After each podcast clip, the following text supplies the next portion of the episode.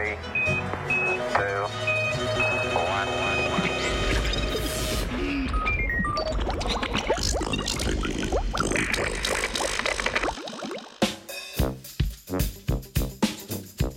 Mm, tudi bakterije so za atli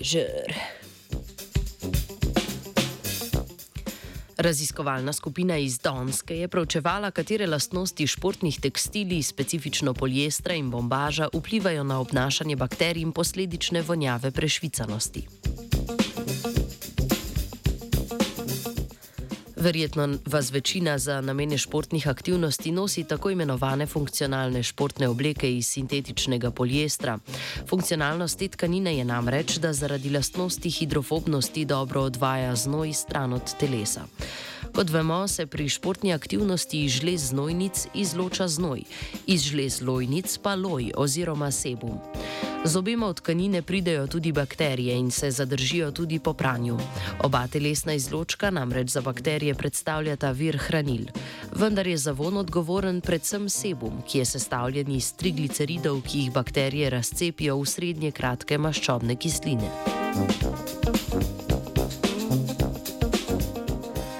Raziskovalki in raziskovalca iz Ohusa na Danskem je zanimalo, katere lastnosti tkanin najbolj vplivajo na zadrževanje bakterij v tekstiljah. V ta namen so zasnovali in vitro model fiziološkega znojenja, na katerem so primerjali obnašanje bakterij v poliestru in bombažu. Bakterije namreč za preživetje potrebujejo tako vodo kot hranila, na površinah tkanin pa tvorijo biofilme.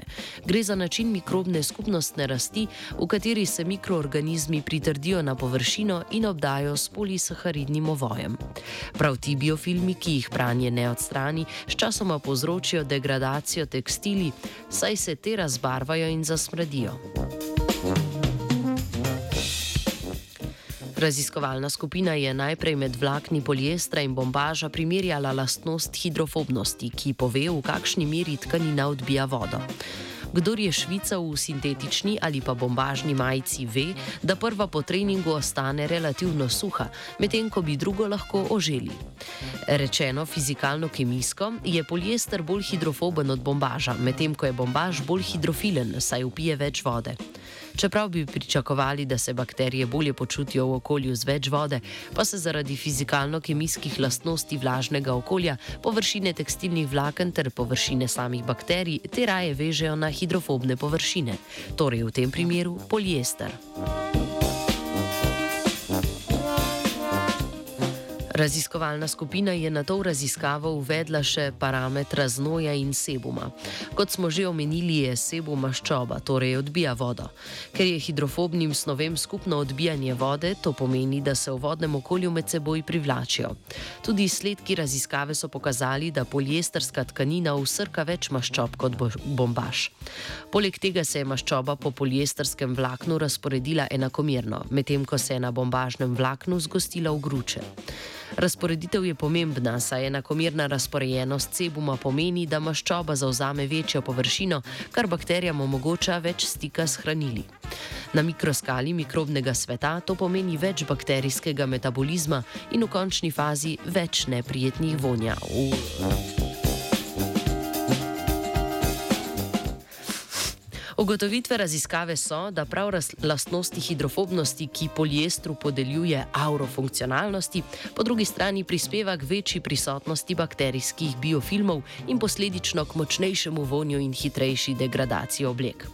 Če bi želeli preprečiti možnost razrasti bakterijskih biofilmov, bi morali žrtvovati prav funkcionalnost odvajanja znoja. Članek sicer omenja, da bi tekstilna vlakna v prihodnosti lahko ovili tudi v silikonska ali fluorokarbonska karbonska vlakna, ki imajo nižjo površinsko energijo in zato ne omogočajo tako dobre pritrditve bakterij. Očitno se nam na področju oblek obeta še več funkcionalnosti.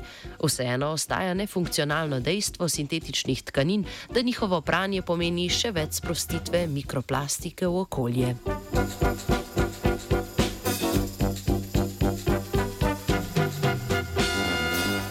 Švicanje v telovadnicah pogreša teja. Huh, huh.